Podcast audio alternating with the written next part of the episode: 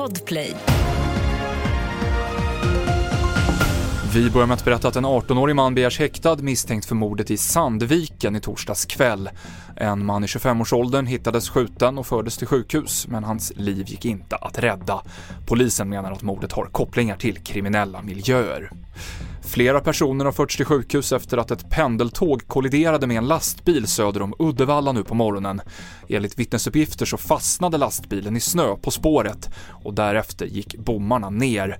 Vår reporter Johan Håkansson är vid olycksplatsen och säger att det verkar ha varit en kraftig kollision. Jag ser här den här järnvägsövergången där lastbilshytten står kvar. Så det är alltså släpet som har blivit, utav någon anledning blivit kvar på rälsen och sen har tåget kommit och kört rätt in i detta. Det handlar om en 100 meter stoppsträcka ungefär.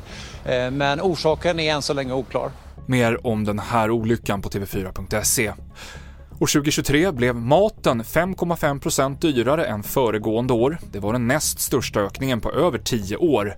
Men priserna sjönk något i december jämfört med november och Swedbank bedömer att det är början på en trend med sjunkande livsmedelspriser nu i år. TV4-nyheterna med Mikael Klintevall.